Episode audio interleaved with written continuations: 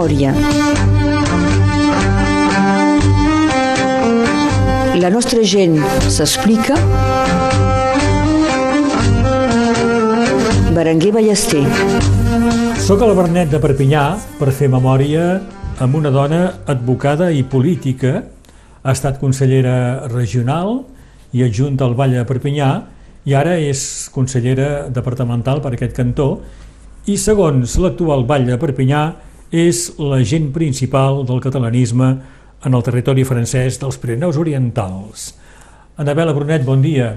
Bon dia. I gràcies d'acollir-me en el teu despatx d'advocada. Això que ha dit el senyor Aliot sobre tu, que és l'agent principal del catalanisme en el territori francès dels Pirineus Orientals, per què ho va dir això?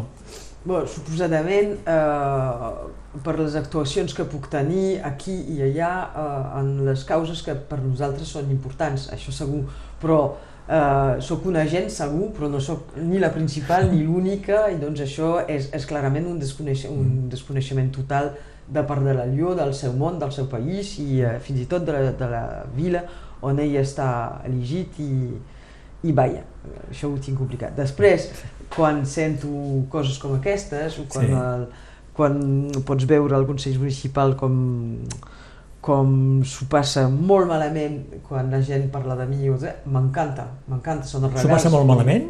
Bueno, suposadament. Sí. En tot cas, he, he, he tingut, m'he tingut de mirar una part d'un Consell Municipal i no sé, pot ser tres o quatre vegades, pot no diu el meu nom cada vegada, però tres o quatre vegades torna a parlar de, de Carles Puigdemont, d'aquesta gent eh, integristes i crec que va dir també eh, terrorista, eh, que actuen en, en, en, a favor de, de, de, de, dels catalans i que aquest, aquests comportaments són comportaments que no, que no cal i parlen a l'oposició eh, dient eh, sabem que hi ha gent de, de la vostra antiga e equipa que, que sí que han participat en això. Bueno. Ah. Doncs ja veiem que Sí. això l'emprenya força i a mi m'encanta. Has estat una persona que se t'ha vist molt en el moment d'organitzar aquell famós míting de Carles Puigdemont. Se t'ha vist també molt públicament defensant el projecte La Bressola, de fer un liceu aquí al Bernet.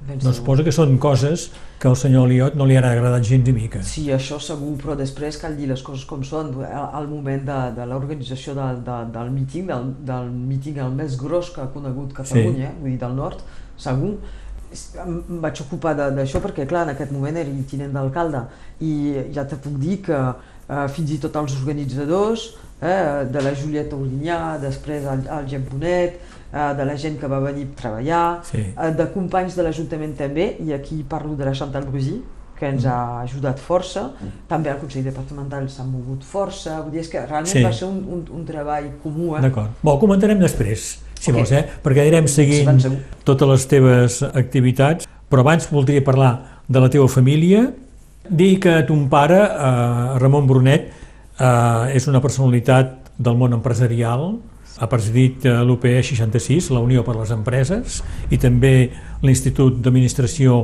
de les Empreses. Estem a la Casa Planes. Sí, Els Brunet i els Planes un dia es troben, no? Explica'm la història de, del teu pare. eh, això és una història una mica rara. Sí. Ell va néixer a Perpinyà, eh? Ell va néixer a Perpinyà, va néixer a Perpinyà en, en aquesta casa mateix.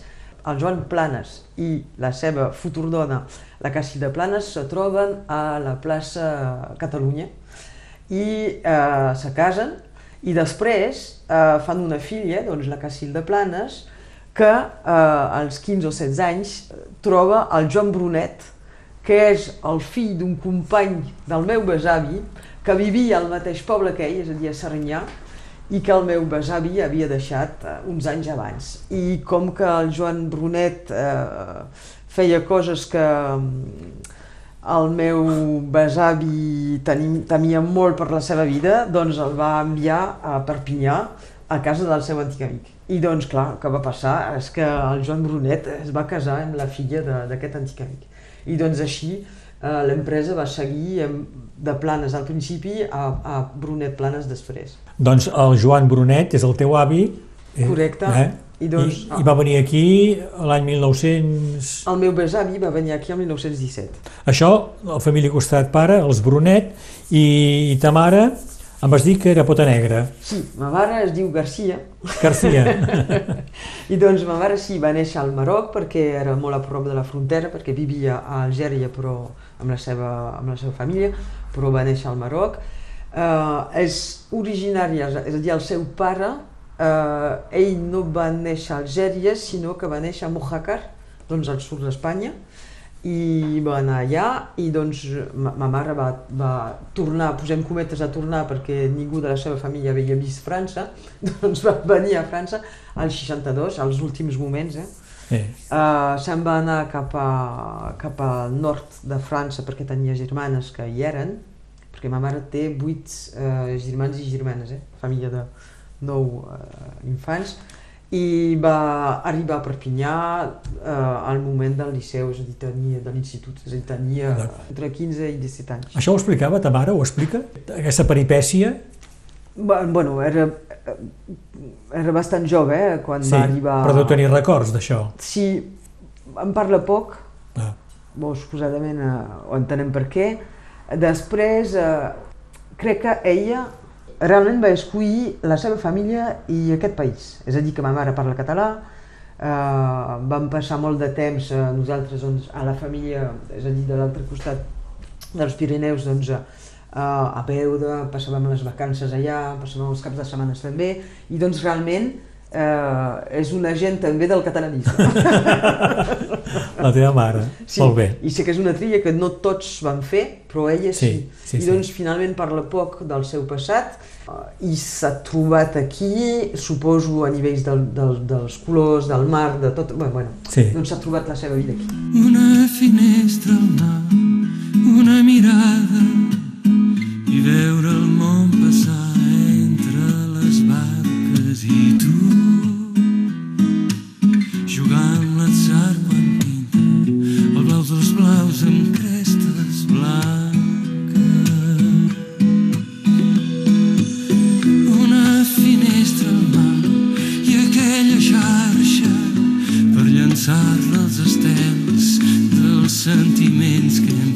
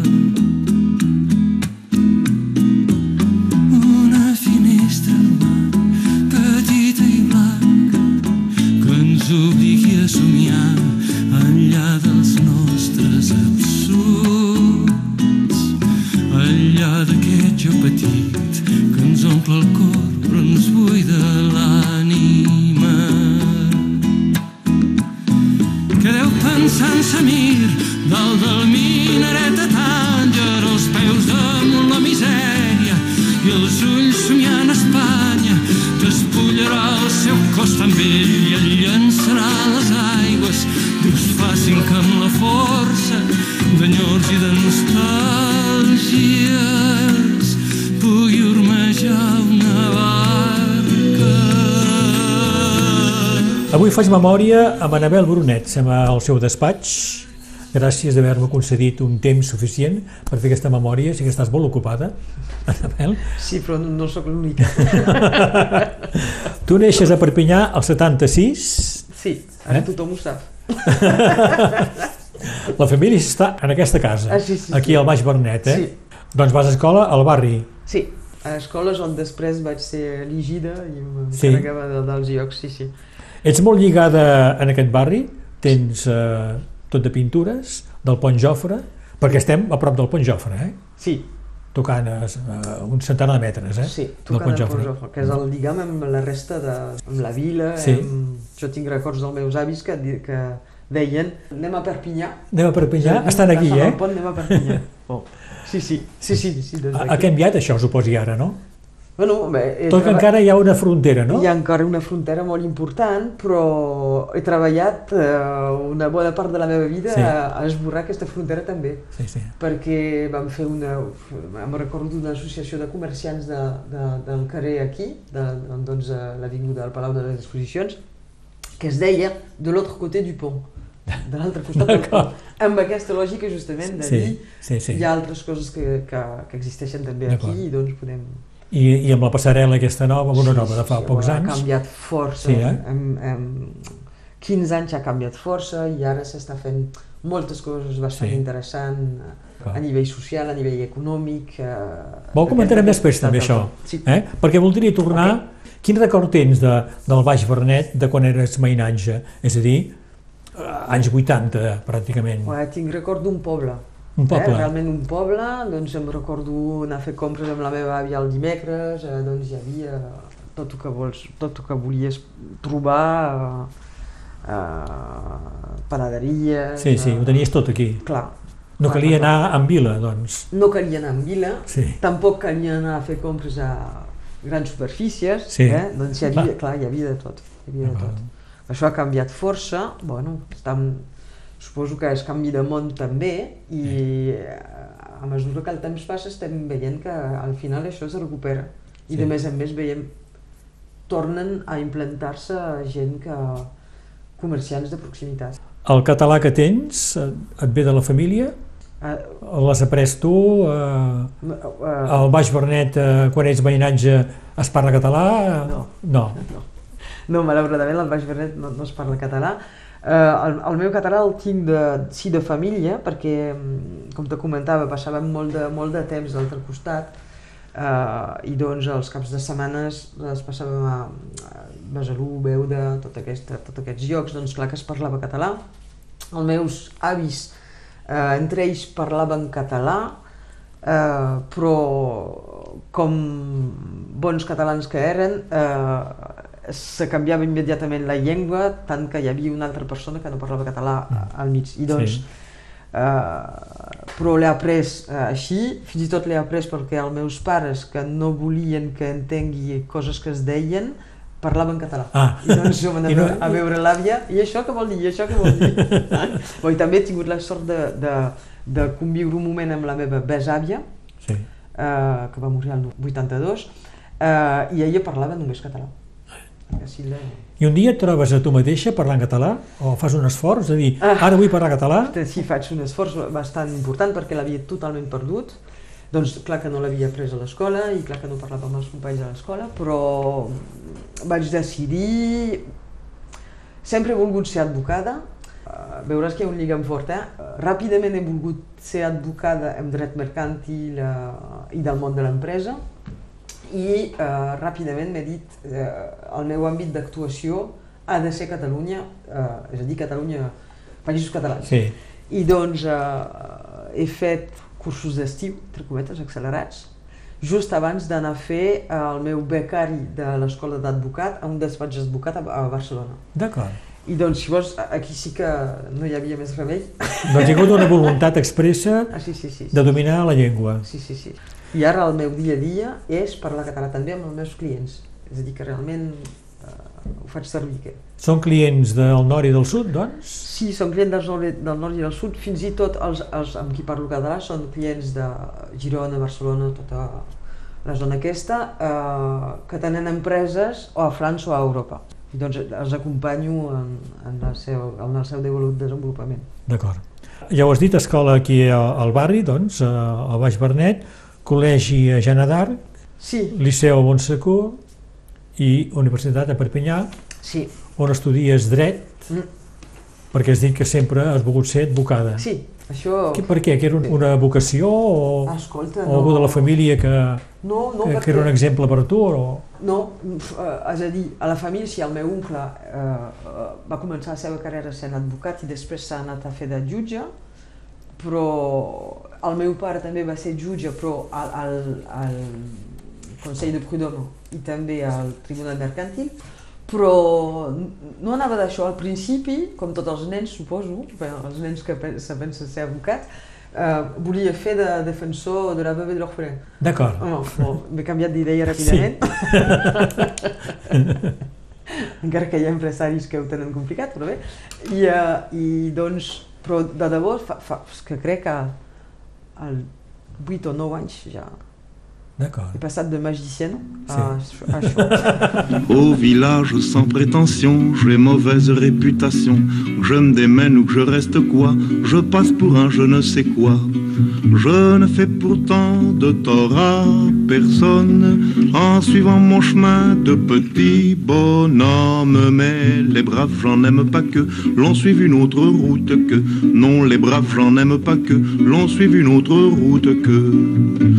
Le monde médit de moi, sauf les muets, ça va de soi.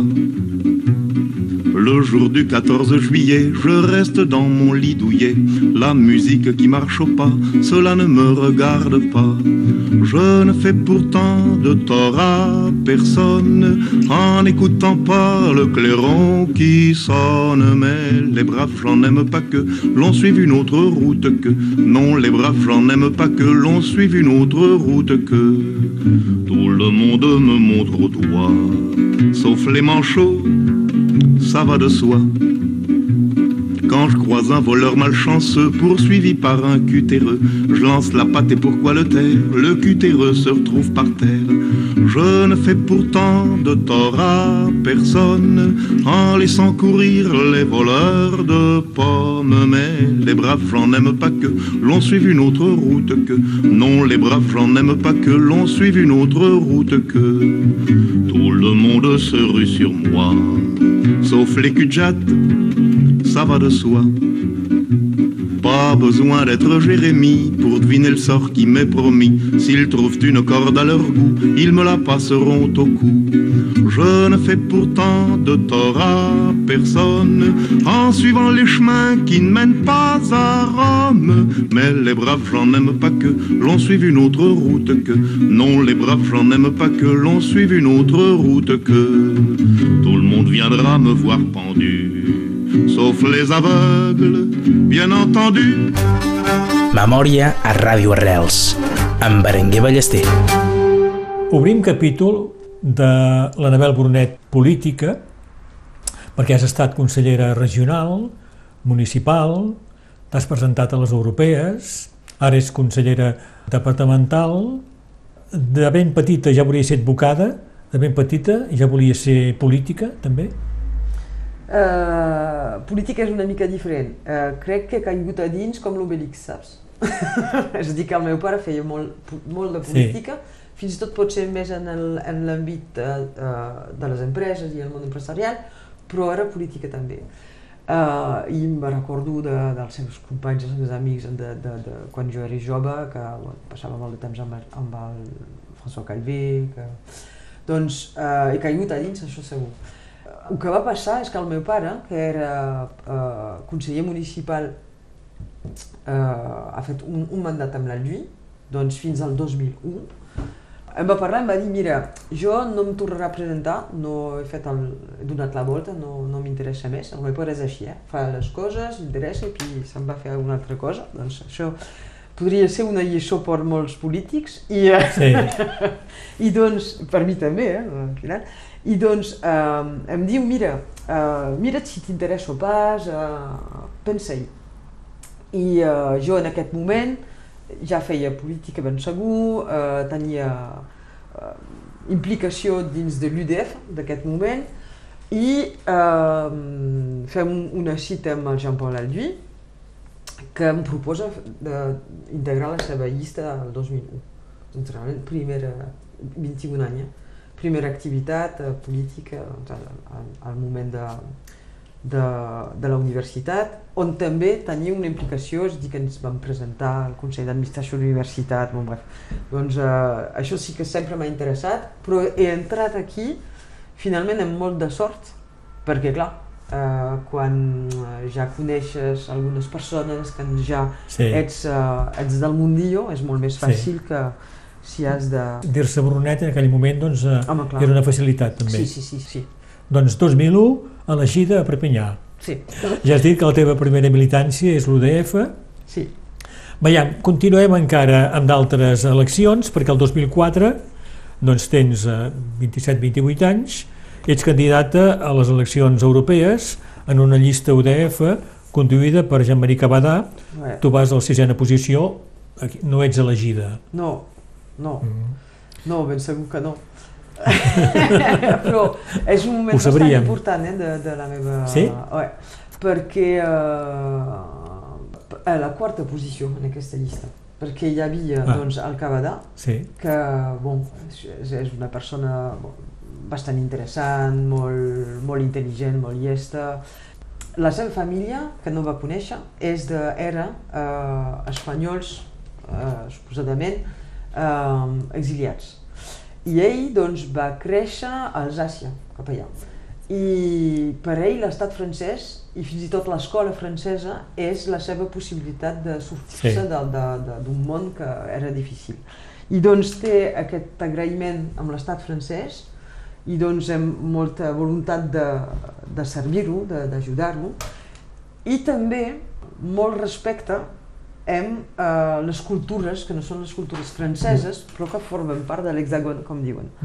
I eh, és una personalitat bastant interessant en aquest sentit perquè eh, hi, ha això, hi, ha, hi ha aquesta convivència que podria ser un exemple per als homes polítics Sí. també perquè hi ha una, un, un agraïment bastant fort però amb la voluntat d'ajudar, de desenvolupar, de conservar les altres identitats. Sí.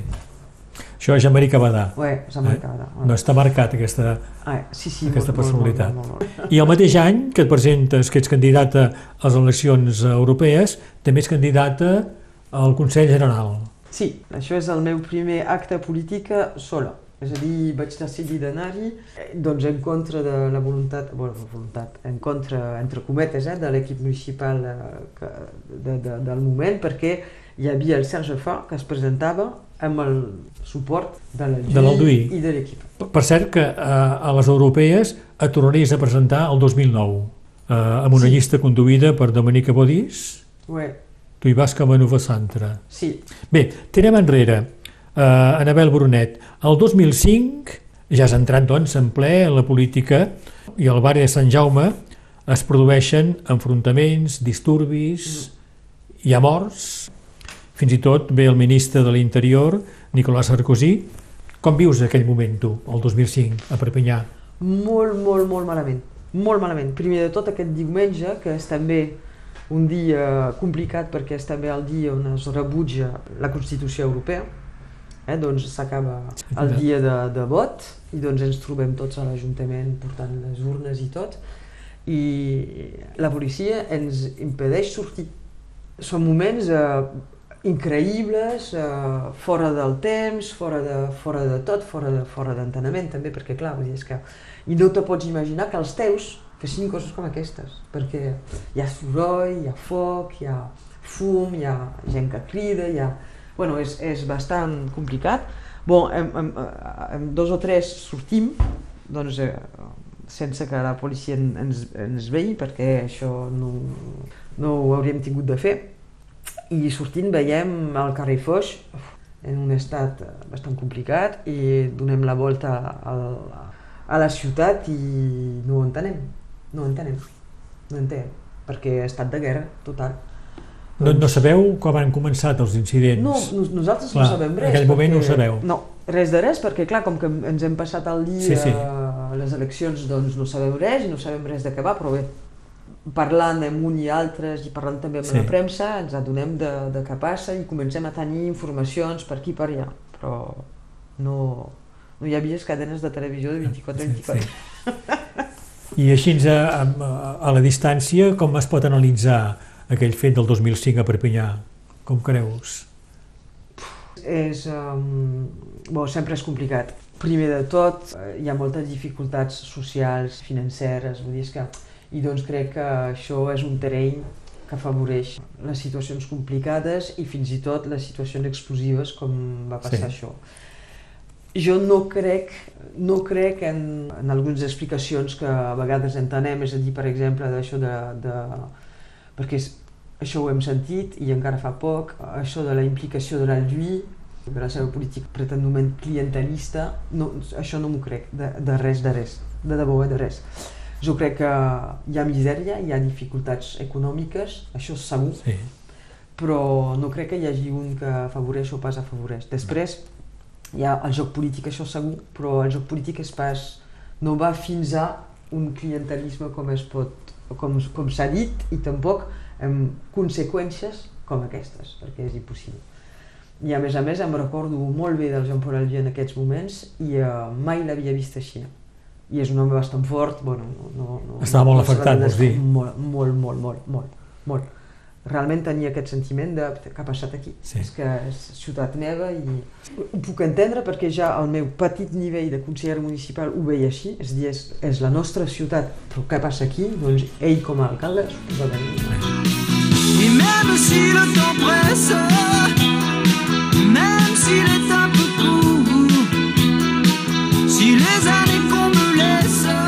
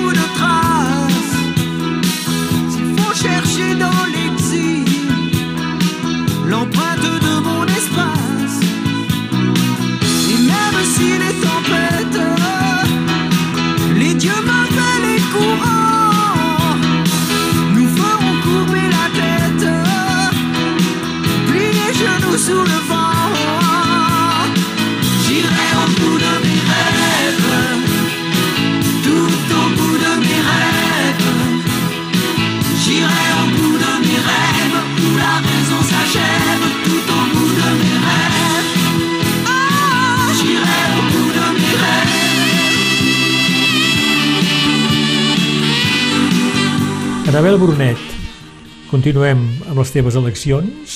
El 2008 tens eh, 32 anys. Eleccions municipals, vas a la llista de Jean-Paul Alduí, que guanya amb 41 elegits. Tu ets elegida. Jacqueline Mialdonat en treu 12 i Louis Alió 2. Són aquelles famoses eleccions del frau dels mitjons, que se'n va dir, s'anulen les eleccions i el 2009 se'n fan unes altres que també guanya l'Alduí. Sí. Aquest cop amb 43 elegits, tu tornes a ser elegida. Mhm. Va ser una situació dantesca aquella per vosaltres, no? Totalment, totalment, totalment, perquè a més a més... Eh... Bueno, després és complicat explicar les coses així, però eh, la frau aquesta de què parlem és... Bon, és pas una frau eh, organitzada per l'alcalde de, de Perpinyà, això és pas veritat, això mai va ser veritat. Després hi havia potser hàbits que supervivien del món passat, però de frau de debò no n'hi havia pas, no n'hi havia pas. Uh, O sigui que va ser una iniciativa d'aquella persona. home, clar, clar. Suposadament pot ser que hi ha altres que haurien tingut les mateixes iniciatives, Sí. però iniciatives eh, aïllades, això totalment, Sí. i això segur, i a més a més amb un resultat, bueno, no sé què Sí. t'assembla, però bastant ridícul i bastant ineficaç Sí. ineficient, eh? perquè bueno, jo vaig eh, eh, fer de presidenta de, de despatx de vots des del 2001 a cada elecció i a cap d'un moment ja saps perfectament a quin moment podries fer coses que no es veurien, eh? que no es veurien. Però... Eh, I no es fan. I no es fan. A fer, en tot cas, els meus Tu no ho vist. assajos de vots mai ho he vist i els companys que feien la mateixa cosa tampoc, vull dir, és que no... És que això no, això Sí. no. I bon, a més a més, no sé si bueno, la, la persona que, que era responsable d'aquesta frau, eh, bo, és... Eh,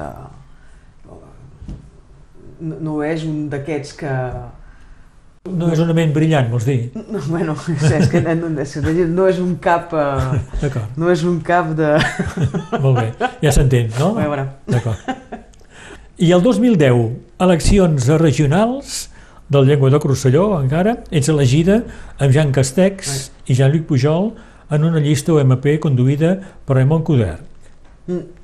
Això, el 2010, és la segona rencontre de la meva vida de debò. eh? És a dir, que el primer al Cavadà, que vaig trobar un home bastant brillant i tot, el segon és el Castex, que em truca, que em demana venir a Prada per eh, parlar amb mi d'això de, de, de les eleccions i realment descobreixo un, un home eh, que realment val la pena, però realment val la pena.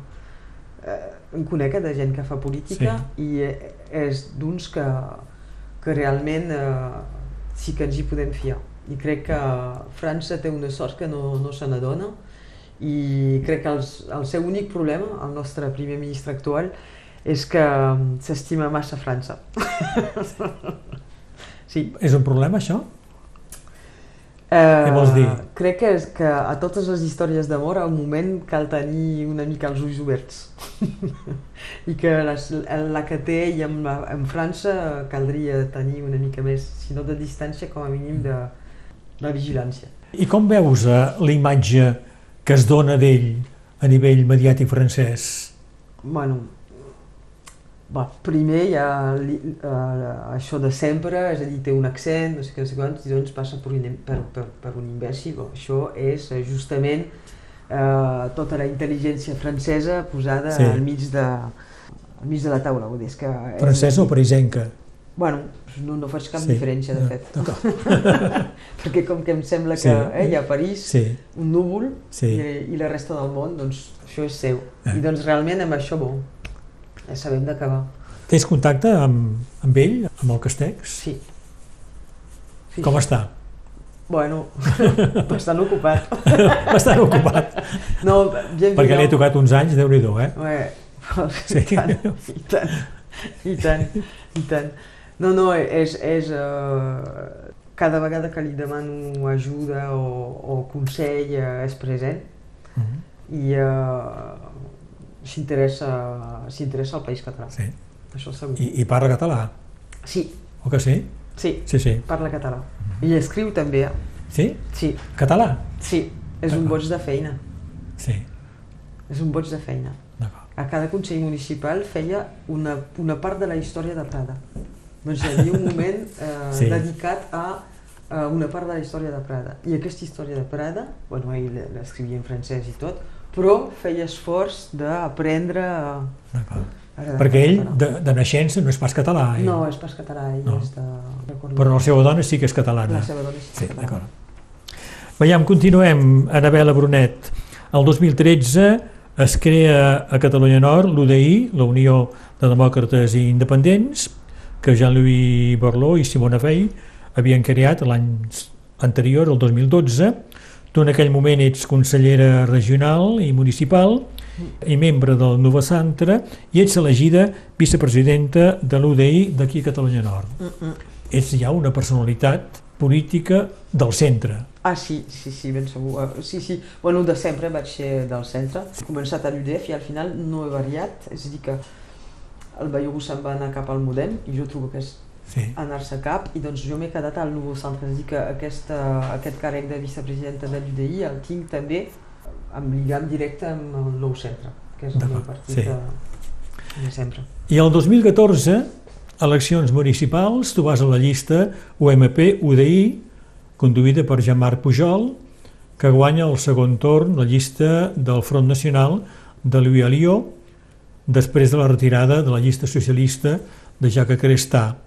Ets elegida i aquí, en aquest mandat, ets adjunta al Vall de Perpinyà i responsable de les relacions amb la universitat. Sí.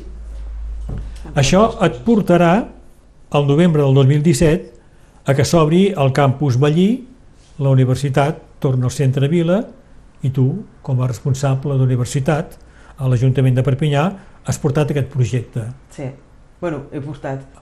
A més a més, això em permet parlar de la meva tercera trobada amb un home eh, bastant intel·ligent i, uh, i brillant, que és el Fabrice Laurent. Mm -hmm. Que el és, president de la universitat. que és l'antic president Sí. de, de, de la universitat i eh, amb ell eh, ja treballàvem amb els mandats precedents on ell era vicepresident de la universitat i jo eh, conseller municipal perquè volíem justament intentar trobar un mitjà per eh, tornar una part de la universitat al, al centre i al moment de l'elecció de Jean-Marc Pujol eh, bueno, abans de la seva elecció, per participar a la seva llista, ja li havia demanat, ja havia dit que això era un projecte que teníem de portar i de tirar endavant i eh, de portar durant el mandat de no esperar, perquè clar, quan es comença a fer projectes, entre el moment del projecte i el moment de la seva realització, Sí. Passa 5, 6 o 7 anys com a mínim. I realment volíem tirar endavant això molt més ràpid perquè ens semblava que hi havia urgència fins i tot pel barri de Sant Jaume, fins i tot pel centre de ciutat i fins i tot al final pel desenvolupament de tota la ciutat. I doncs amb el Fabrice, vam, el Fabrice Laurent, vam treballar molt, molt i molt per justament eh, fer que aquest projecte tingui vida i després cal dir que suposo com sempre, però no m'ha passat molt de vegades a la meva vida, però eh, aquest projecte va trobar immediatament una resonància positiva en molt i molt de gent. És a dir que, per exemple, a nivell dels serveis de l'Ajuntament, tothom s'hi va posar i tothom amb molta voluntat, amb molt de, amb molt de ple, s'hi va implicar i les coses van anar molt ràpid, però molt ràpid, perquè si ens adonem d'això, crec que dos anys després ja posàvem la primera pedra i els primers cursos eh, es van, s'hi van fer Sí. quatre anys després, que és un, una performància Sí. gegant a, a nivell de realització de projecte. I, I creus que s'han aconseguit els objectius que us havíeu marcat Oh, des de l'Ajuntament de Perpinyà? no, crec que els objectius s'aconseguiran si s'aconsegueixen d'aquí uns anys encara, perquè això és un canvi eh, Molt lent, no? profund, im, clar, Ah. molt important, molt, eh, eh, i la gent s'ha de ha d'aprendre a treballar junts, a viure junts, perquè clar, estem un barri que és pas el més fàcil de, de la vida de Perpinyà i parlem d'estudiants eh, de dret i eh, no estic dient que... però és veritat eh, que eh, i era també per això que volíem que sigui la Universitat de Dret també, és veritat que eh, caldrà temps perquè, perquè hi hagi una real eh, comprensió Sí. De banda i banda de, de, de la gent que s'hi troba en aquest barri. I que es noti que el barri ha millorat eh, A veure, per la presència de la universitat. Sí, a, a veure, a nivell social es notarà d'aquí uns anys i pas ara mateix, això segur, però a nivell eh, ja eh, immobiliari o a nivell físic ha canviat força, perquè eh, sí que hem fet la universitat però també hem tornat a fer tots els carrers, totes les places del voltant.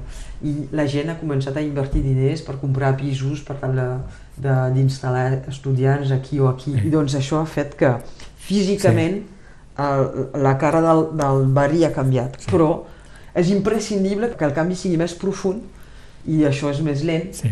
forçosament, més profund perquè realment funcioni. Doncs per això hem d'esperar una mica més, perquè realment és esperança que hi, que hi posem encara, encara avui, perquè el projecte s'està eh, engreixant, Sí. és que doncs, d'aquí poc s'obrirà la biblioteca al lloc de, de la borsa, eh, doncs eh, realment hi haurà una presència més forta encara de la universitat i doncs els estudiants del centre. Hem d'esperar uns anys, però crec que, crec que funcionarà perquè realment hi havia els mitjans, que hi hem posat els mitjans.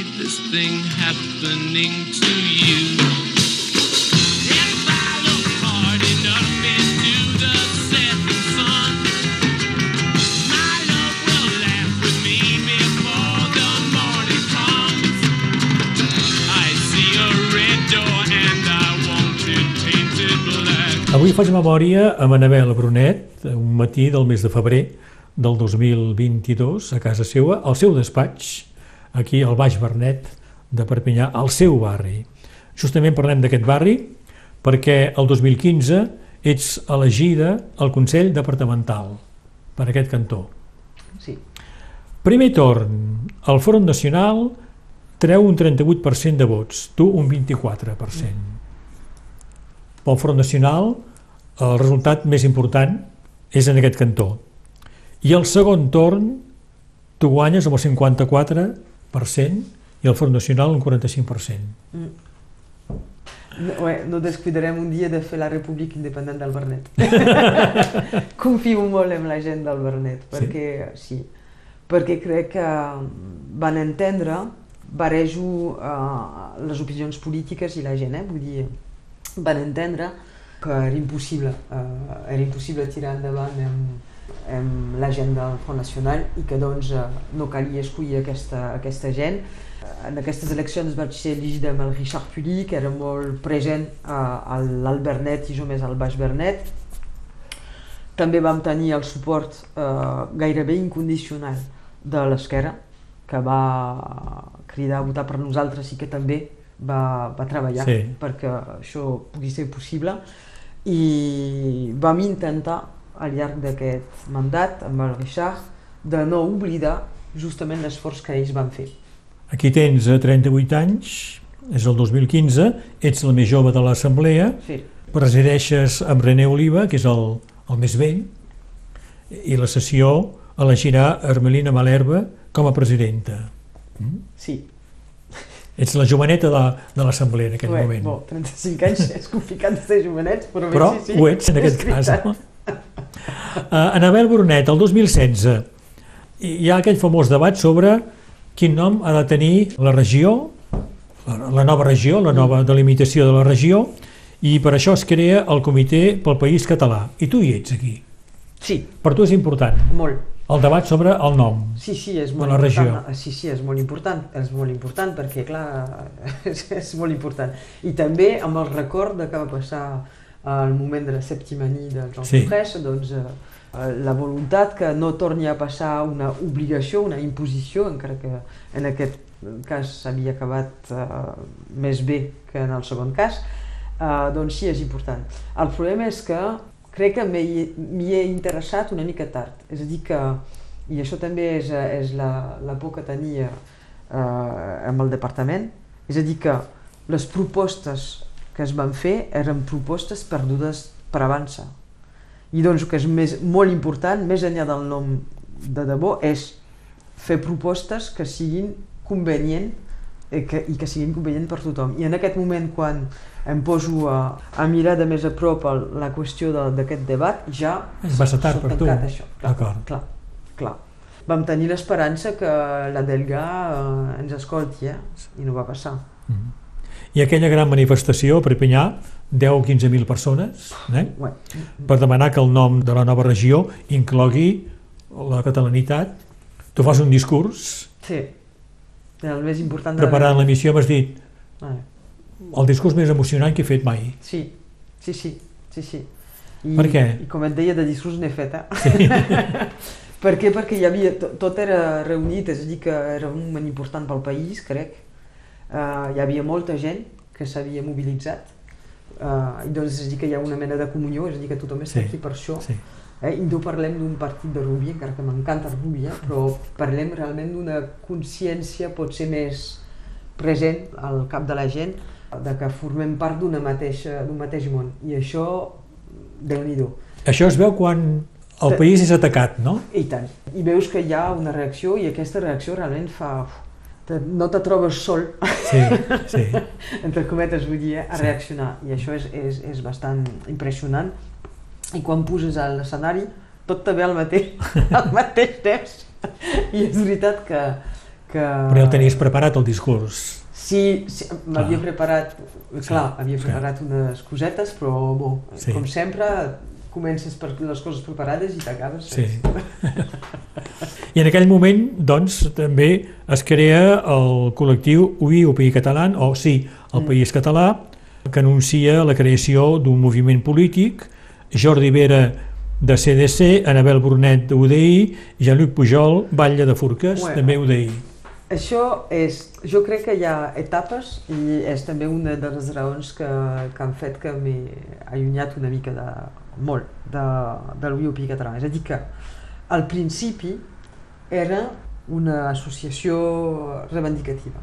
Eh? Doncs no parlem de partit polític. I crec, i ja li he dit mil vegades al Jordi, també li he dit, eh, n'he parlat d'això amb la gent de, de, en aquest moment, i el Jean-Luc Pujol tenia la mateixa opinió que jo en aquest moment també. És a dir que a nosaltres ens semblava que aquest moviment creat finalment a l'ocasió del canvi de nom de la regió i eh, que era el moviment que havia portat la manifestació, no sol, això segur, però ell que havia, el, el que havia portat la manifestació, doncs que en feia Sí. la comunicació i, i tot, eh, i doncs la mobilització, i veient la mobilització que es va fer, jo pensava que no calia eh, fer un partit polític d'això perquè em semblava que no era honest de cara a la gent que s'hi havia apuntat. És una cosa apuntar-se eh, per la defensa de la, bueno, de la teva identitat i doncs a través d'una lluita que és el nom de la regió i una altra cosa de formar part d'un partit polític.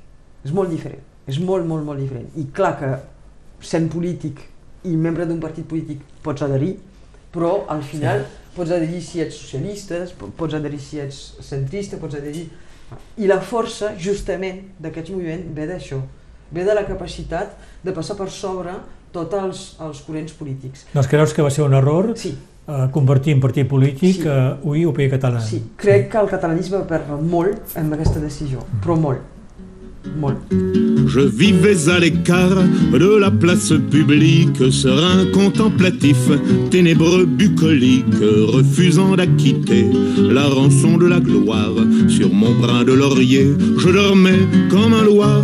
Les gens de bon conseil ont su me faire comprendre qu'à l'homme de la rue, j'avais des comptes à rendre et que sous peine de choir, dans un oubli complet, je devais mettre au grand jour tous mes petits secrets. Trompette de la renommée, vous êtes bien mal embouchés.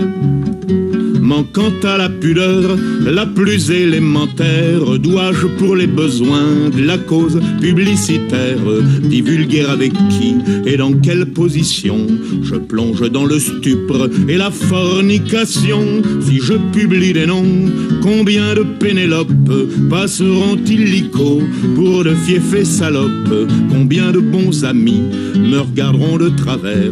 Combien je recevrai de coups de revolver? Trompette de la renommée Vous êtes bien mal embouché Anabel Brunet, hem seguit totes les eleccions que has fet, les campanyes electorals. Obrim un apartat especial. Ja he dit de bon començament, t'he presentat amb les paraules que el Vall de Perpinyà va dir de tu. Louis Alió va dir és l'agent principal del catalanisme en el territori francès dels Pirineus Orientals. Has seguit molt de prop tot el procés independentista català, t'has implicat eh, en la defensa dels represaliats i ho hem comentat un poc abans, el febrer del 2020, 29 de febrer del 2020, es fa aquell gran míting a Perpinyà de Carles Puigdemont, és un acte del Consell per a la República i Carles Puigdemont reuneix, no sé, entre 100 i 150.000 persones, no sé exactament quantes, eh? Tu vas estar molt implicada en aquesta organització.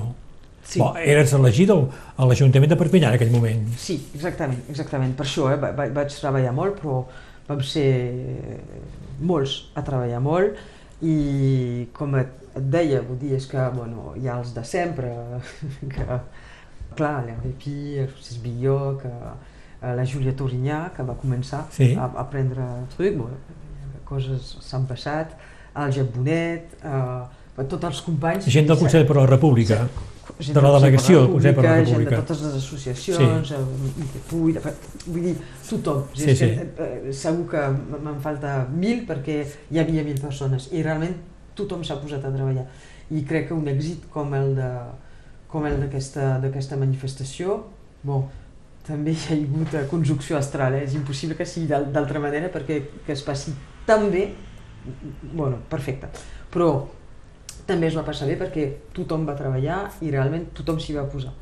I com et deia a l'inici de la nostra conversa, també a nivell municipal gent s'hi va implicar força. Eh? Te parlava de la Chantal Brusy, Sí. que en aquest moment tenia la competència de la policia municipal, va ajudar molt, molt i molt, i els serveis tècnics també van ser presents, vull dir que Sí. realment tothom va treballar perquè se passi bé aquesta, aquesta mani. Hi va haver pressions del govern francès perquè no es faci? Uh, són moments... O de- dificultats? si, si te tornes a posar en aquest moment, passava tantes coses que jo crec que el que va passar fins i tot és que l'estat francès esperava que eh, algú impedeix aquesta manifestació. I quan dic algú, clar, pensava que l'alcalde de Perpinyà decidiria al final d'anul·lar la mani. I a vegades cal rendre a César ce qui lui appartient.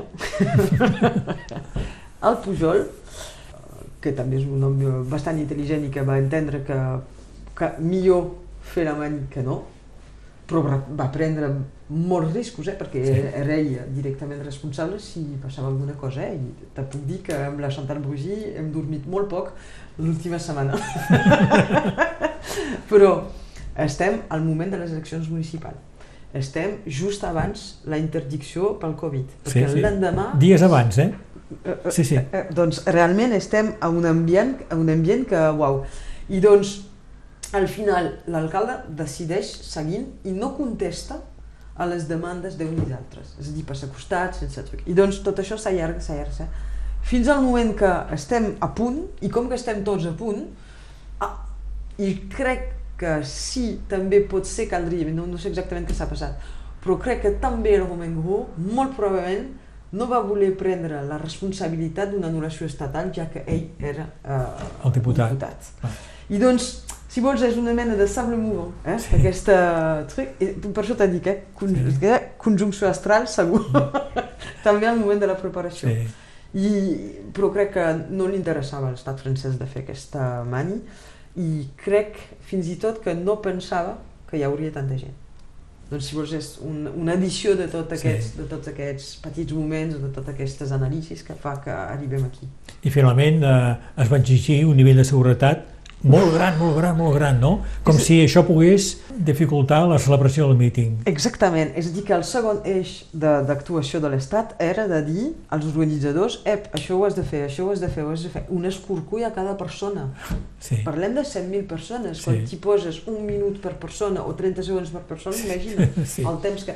Era... Eh, Sí. I aquí igual, eh, a la cadena de decisió, i estem pensant també als del Consell per la República costat eh, català del sud, tots va prendre la seva responsabilitat dient, bon, ok, hi ha coses que no podrem fer, no ho fem, i és igual, i tirem endavant. Sí. Fiem amb el nostre poble i han tingut tota la raó. Sí, sí. perquè també hi ha aquest aspecte, és a dir que a l'estat francès, quan hi ha una manifestació s'acaba malament, sempre, sempre, vull dir, fins i tot a nivell parisenc, encara aquí estem més educats, però, però és veritat que entre una manifestació a Catalunya del Sud, a Catalunya doncs, o una manifestació a París, tot està bastant diferent. I ells no s'adonen d'això, perquè per ells una manifestació, bueno, són salvatges que surten al carrer. He parlat de 100, 150.000 persones. Bé, Va haver-hi molts busos bloquejats a la frontera Eh, exactament. que no van poder arribar. Exactament. Al recinte de, de, del Palau de les Exposicions hi havia 110.000 persones. Eh, I també al voltant, després, quan te miraves els ponts i tot, sí. bueno, molt probablement que n'hi havia com a mínim 20.000. Va ser una sorpresa per vosaltres i una tranquil·litat després un cop acabat, no? A veure, uh, això segur, eh? És que va, va, vam anar de festa després. que necessitàvem fer l'apéro, eh? Però, bueno, no va ser... No, uh, no em pensava que hi, ha, que hi hauria tanta gent, però em pensava que amb 80.000 persones sí que podríem Sí. aconseguir, però 80.000 per gairebé la meitat, dir Sí. que no... Doncs, eh, de fet, és que això és, és molt del poble català, segur que amb altre no hauria passat així, vull dir, la gent es va espavilar per aparcar-se, la gent es va espavilar per trobar solucions i, i de fet, al final, eh, va ser molt impressionant, però tampoc va bloquejar la ciutat, tampoc va... Exacte. És que... Vas poder tenir ocasió de, de conèixer bé eh, el president Puigdemont. Sí, sí, sí, sí, tinc la sort de veure a vegades. Ell i el seu, la seva equip al voltant, que són gent bastant eh, agradables a viure. Molt bé. Aquest camí que deixo enrere és llarg, però un vull lleuger del seu bagatge. Que res no em valen tants atzars, ni els vells camins ni el blau del mar. Si dintre seu no sento com batega i batega. El fràgil de la tendresa. Del teu amor ho espero tot i tant que em faig un cant pel meu cap vespre estimo l'ànsia dels teus ulls l'impúdic art del teu cos. Però amor t'estimo encara més i sempre més i sempre sabent esclau de la tendresa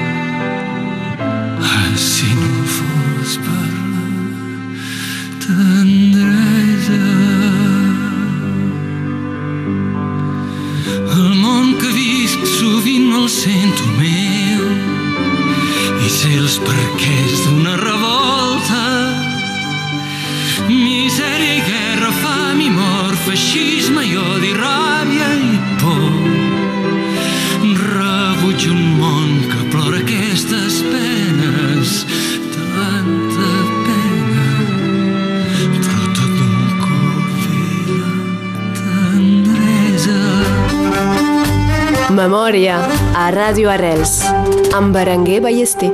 Anabel Brunet, anem ja acabant, però hem de passar encara per altres eleccions importants en la teva carrera política. Al març 2020, eh, municipals a Perpinyà, primer torn, i el segon torn tres mesos després. Mm. Hi ha el Covid entremig, eh? Mm. És per això, eh? I aquí eh, Jean-Marc Pujol perd. Mm. I guanya Louis Alió amb el 53% dels vots. Mm. Ho esperàveu, això? Ah, no, no, no, a, fe, a, a veure, Ho temíeu? sí, sí, això segur, perquè a més a més eh, no pot passar mil vegades que hi hagi una persona a segona volta que no passi mai. Però et diré que eh, pensava que seria just i no em pensava que guanyaria la llum. Uh, I això, bueno, no em pensava perquè tampoc no em volia. Sí. és a dir que, és a dir que a, a, bueno, en política pots guanyar i perdre, això és, és la vida política normal. És, és la vida esportiva, la vida política, la vida professional, cap problema. Però perdre en contra del Front Nacional, és a dir, un partit eh, Sí. bueno, racista, no, no faig... to- Tots sabem de què va. I no ha canviat això, no ha canviat això. Eh? Hi ha gent que pot, poden dir al revés, però no és pas la veritat, són, són fatxes. Són fatxes. I doncs clar, eh, primer no tens gana que passi, doncs prefereixes girar el cap i quan passa, bueno, és... eh, És un cop, no? Uf, hòstia, déu nhi és un dels cops més durs de la meva vida. Sí, sí, perquè això és igual que... Perdona, poso cometes. És pas igual que els 2005 i les émeutes, eh? Sí. però és igual en el sentit de que, hòstia, els meus van fer això, van portar aquest aquí. És que... I això és dur de pensar-ho. En canvi, al juny del 2021, primer torn, eleccions departamentals al Bernet, el Ressemblament Nacional amb Nicolás Sánchez i Sandrina Serra obtenen el primer torn el 43% dels vots. I tu, Anabel Brunet, amb Benoà Castanedo, el 21, gairebé 22%. Mm -mm. Quina diferència, no? Enorme. Però si te recordes ben bé les eleccions abans hi havia una, un, una diferència Sí. tam també bèstia, dir això segur. Uh, aquí és diferent de Perpinyà, conec molt més bé el meu barri i doncs uh, uh, quan vam preparar les eleccions sabia que teníem de fer una proposta política renovada, uh, dinàmica, uh, més jove, més uh, centrista, més uh, present al barri al dia a dia a nivell social. I quan vaig parlar amb el Benoît Castanedo, sabia que calia que ell es presenti, que, que ens presentim junts. I que amb això sí que teníem una possibilitat de guanyar. Tampoc era segur, però teníem una possibilitat de guanyar. I de debò eh, vaig tenir moltes propostes eh, de gent que volia eh, presentar-se a les eleccions eh, amb mi, eh, de gent eh, realment intel·ligent, interessant, eh, però de gent que no eren del Bernet, que no eren involucrats al barri, que no eh, coneixien el barri Sí. i això era impossible, perquè jo crec, de, sempre l'he l'he pensat, eh, però crec de més en més que per fer política eh, com Déu mana cal ser present al territori que desfens. Cal ser present al territori que vols fer viure, al territori que vols transformar, que vols canviar, perquè si no e- e- és el temps que perds a aprendre Sí. eh, com se passa aquí per, per trobar solucions, estem perduts. Sí. I com que estem perduts i que ara la vida va molt més ràpid, no tenim aquest temps. No tenim aquest temps. Doncs per això vas eh, demanar això- amb Benoît Castanedo és, segur. Que- I és- que anés amb tu, eh? No he dubtat. Aquí no he dubtat. I a més, el, els únics moments on m'he dit "Sa- sa- sa- això serà molt difícil són moments que eh, ens escapen a nosaltres, és a dir, que no parlem de coses que s'han passat al Bernet, però parlem de coses que s'han passat al voltant. I això, el dubte que tinc és, és el moment on hi ha declaracions que es fan sobre una connivència entre dreta i extrema dreta, i aquí sí que tinc por, aquí sí que tinc por, perquè eh, entre la primera i la segona volta aquí també vam trobar els companys eh, del Partit Socialista, dels Verds, de, els que s'havien presentat, eh, que, que, ens, que ens aporten el suport, eh, és que Sempre has tingut aquest suport, tu, eh? Sí. No, no, és, a més, la gent que es va presentar sobre aquest barri, que era del barri, ja vam tenir un, un, una campanya molt fair play. Mm. És que, I és molt agradable de fer Sí. política així, és dir que la gent es coneix, es respecta, i després sabem perfectament que hi ha una segona volta. I que com que sabem això, eh, tenim clar eh, com hem d'actuar. I a la segona volta guanyes amb 22 vots de diferència. Sí. Quina emoció, no? Hòstia! Això ho, ho pots dir? Ho pots dir, ho pots dir, perquè a més a més... aquest- Recordes aquella nit? bueno, al, al principi de la nit sí, després més difícil. per raons de viticultura Sí. local. Però... sí, sí, em recordo molt bé, perquè a més a més, primer és, uh, jo crec que la primera bufetada política al, a la Lló, Sí. eh, perquè s'ha implicat aquí, això segur, Sí. i uh, és la primera elecció eh, al territori de Perpinyà on realment podem dir ara tornem a treballar per uh, tornar a, a prendre la, la, la vila de Perpinyà. Mm -hmm. I això... I el Resmoliment Nacional no va tenir cap elegit en aquelles No. eleccions No, departamentals, no, cap. cosa que esperava que sí que en tindria més Bueno, d'un. Pensaven que guanyarien aquí, amb, amb Sí. certesa, eh, Sí. aquí segur, i després eh, pensaven que guanyarien... Bueno, pensava que guanyaria en, al, al barri de, al Molí de Vent amb una certa lògica, perquè quan tens l'Ajuntament de Perpinyà, després pots imaginar que pots guanyar els, els barris que són només barris i que al final és molt difícil actuar com a conseller departamental, fins i tot quan ets a l'oposició, que és el nostre, cas, quan no tens cap pos- possibilitat d'actuació eficient. À tous mes loupés, mes ratés, mes vrais soleils, tous les chemins qui me me sont passés à côté. À tous mes bateaux manqués, mes mauvais sommeils. À tout ce que je n'ai pas été. Au malentendu, au mensonge, à nos silences. À tous ces moments que j'avais cru partager. Aux phrases qu'on dit trop vite et sans qu'on les pense. À celles que je n'ai pas osées. Oh, à nos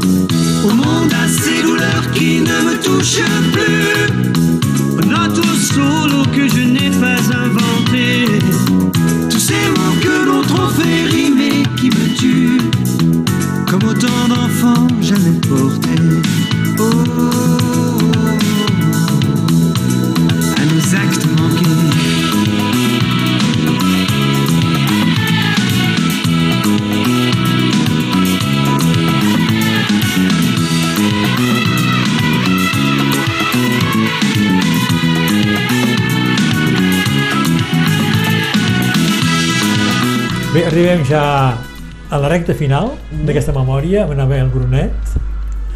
Voldria parlar de l'octubre del 2021, aquell projecte de Liceu Català de la Bressola. Mhm.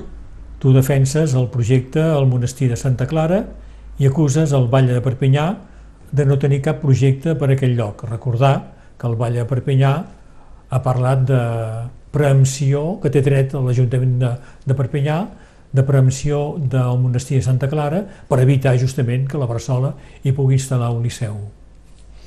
T'hi vas implicar molt aquí. Sí, sí, bueno, em vaig im- implicar molt perquè, perquè és el meu barri, això segur, perquè també és ensenyament eh, immersiu en català i doncs eh, m'implico a la Bressola com molts s'impliquen a la Bressola, eh? ja pas...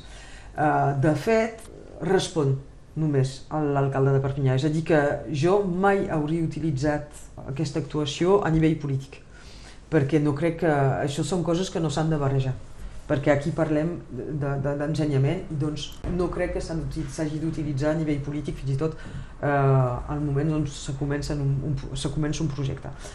El que és veritat és que és el meu barri i doncs conec eh, el convent, eh, que el convent era a la venda, que l'Ajuntament no volia comprar aquest convent, això ho sabíem, doncs per cert no hi havia cap projecte, i no l'acuso de no tenir cap projecte, sinó que fins i tot el jutge del Tribunal Administratiu, ell també ho diu, que no hi ha cap projecte. Doncs estem a un, un punt on eh, realment la seva actuació no l'entenem, no l'entenem. I doncs com que, com que no, com que no l'entenem, eh, ens preguntem, i ell, la, la resposta que va fer a la Bressola, en, en tot cas la, la, l'actuació que va tenir és, és bastant violenta perquè al principi eh, no hi havia cap raó que ell eh, decidi de, de fer jugar el dret de preempció i no sabem per què, pam, surt del... per dificultar aquest projecte de Liceu Català No, no, de debò, a Perpinyà. no sé quin és el seu mòbil, no sé, quin és la, no, no sé què està perseguint fent això.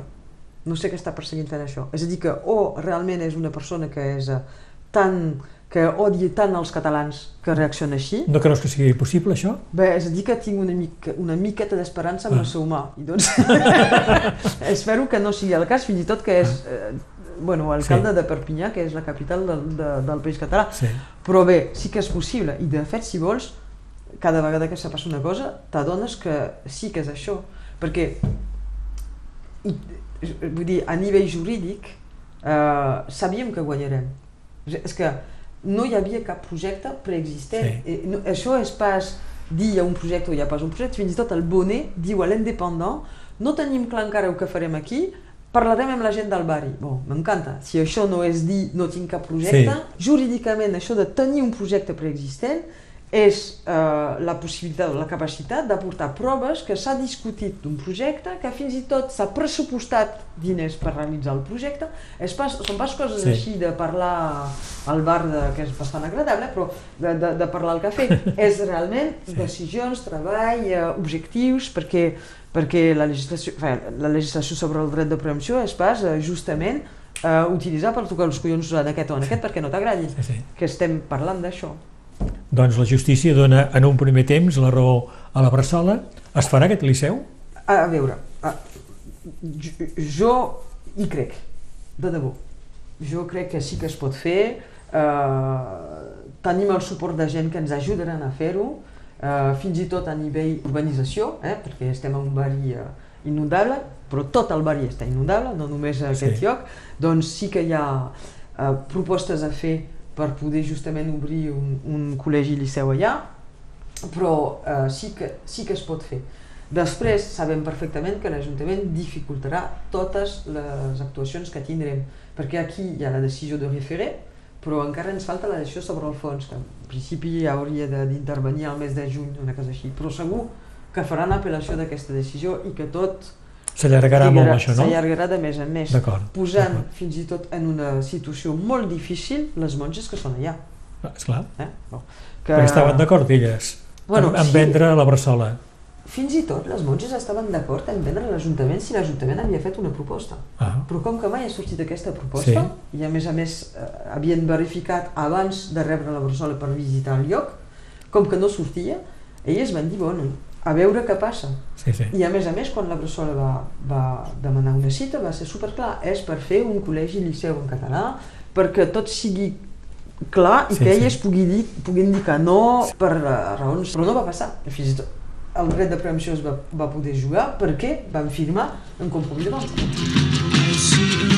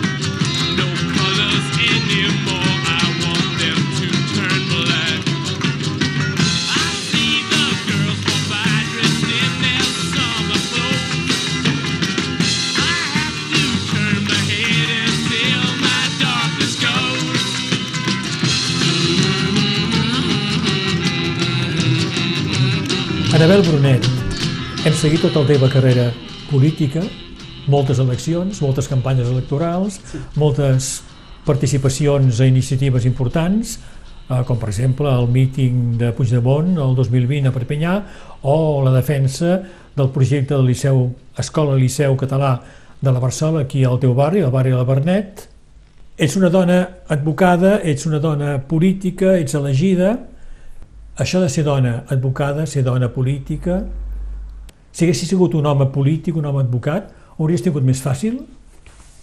Eh, És una pregunta una mica complicada perquè jo, jo no crec que, que la vida sigui més... Bueno, sempre la vida és més complicada si no tens totes les claus. I això és segur. I la vida és més difícil si ets més petit, més gros, més lleig, més no sé què, no sé quantos. I doncs ser dona, de fet, al principi és una, és una cosa que te poses les coses una miqueta més difícil, però Però la dona... L'energia vol- que poses a superar aquestes dificultats és Sí. l'energia que després segueix i que fas servir. I doncs, suposadament... Eh... D'acord, però has de posar més energia per fin de ser dona? Ah, segur. Segur, segur, segur, però per, per raons també, entre cometes, personals, és a dir, que te poses en una posició que és, eh, bueno, primer el món és, encara està fet pels homes i pels homes, doncs això Sí. segur, eh, encara que hi hagi molta voluntat que no sigui així, eh, però segur, són coses que tenim arrelades, vull dir, doncs així, i també a, a nivell de les reaccions personals que podem tenir, ens posicionem també així. I doncs això s'ha de superar eh, per, per intentar existir com a ésser humà i punt. I doncs eh, intento fer això. Després, si vols això de posar professor, professora. Sí. en català es fa més fàcilment finalment eh, que en Sí. francès, perquè es fa des de sempre, però a, a, a, això de, de modificar els paradigmes per, per, per intentar canviar, és que això no funciona.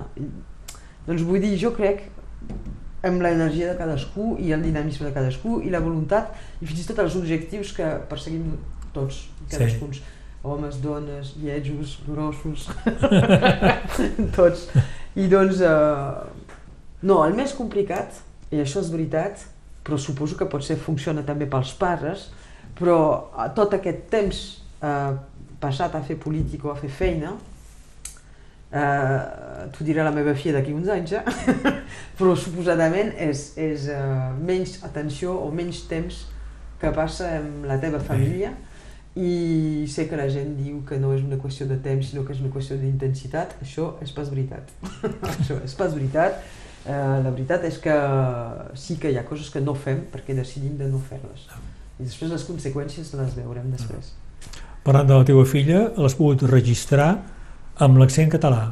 Eh. Victòria, Sí, no? Victòria, Virgínia, perquè es diu Victòria, Virgínia ah. Casilda. Casilda que no hi havia cap problema, però Virgínia també hi havia. Sí. sí l'he pogut registrar així i a més a més això era una, una cosa que havíem pactat amb el Pujol si havíem guanyat les eleccions, és a dir que és el responsable d'estat civil que pot decidir escriure els noms així. Això és la responsabilitat seva i o hi ha una, després una actuació judicial per part de l'Estat o no hi ha res. I si no hi ha res, hi ha prescripció i no en parlem més. I doncs jo havia demanat al, al, al Jean-Marc Pujol de fer possible que a Perpinyà tots els nens que ho demanin tingui la- D'acord. del seu nom com deurem. Doncs es pot fer. Uh, ara no, eh? Ara no. Bé, suposo que no, no he, no he intentat. D'acord. Bé, ara sí que acabem. Gràcies d'aquesta hora i mitja que m'has donat de la teva feina aquí al teu despatx. T'he demanat músiques, m'has dit Llach, Brassens, Goldman, n'hi ha d'altres? Bueno, sí, després pot ser una mica més Ah. música, però tampoc és de truc, eh, eh, seria eh, els Ro- Rolling Stones, que Ah. ah. canten. Sí. Tens una cançó que t'agradi especialment?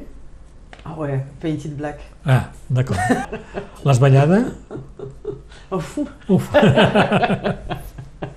Molt bé. le ferida, tant le ballada.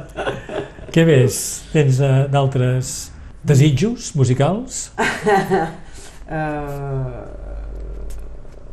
no, D'acord. no ho veig. Ara Doncs mateix. posarem això Genial, per acompanyar el que has explicat. d'acord. Anabel Brunet, molt agraït que m'hagis acceptat fer memòria No, gràcies Eh? a tu. i que m'hagis acollit aquí al teu despatx. Has hagut de retirar tot el paperam que aquí a la taula per poder fer aquesta missió. És un matí del mes de febrer del 2022. Anabel, gràcies i bon dia. Memòria. La nostra gent s'explica. Berenguer Ballester.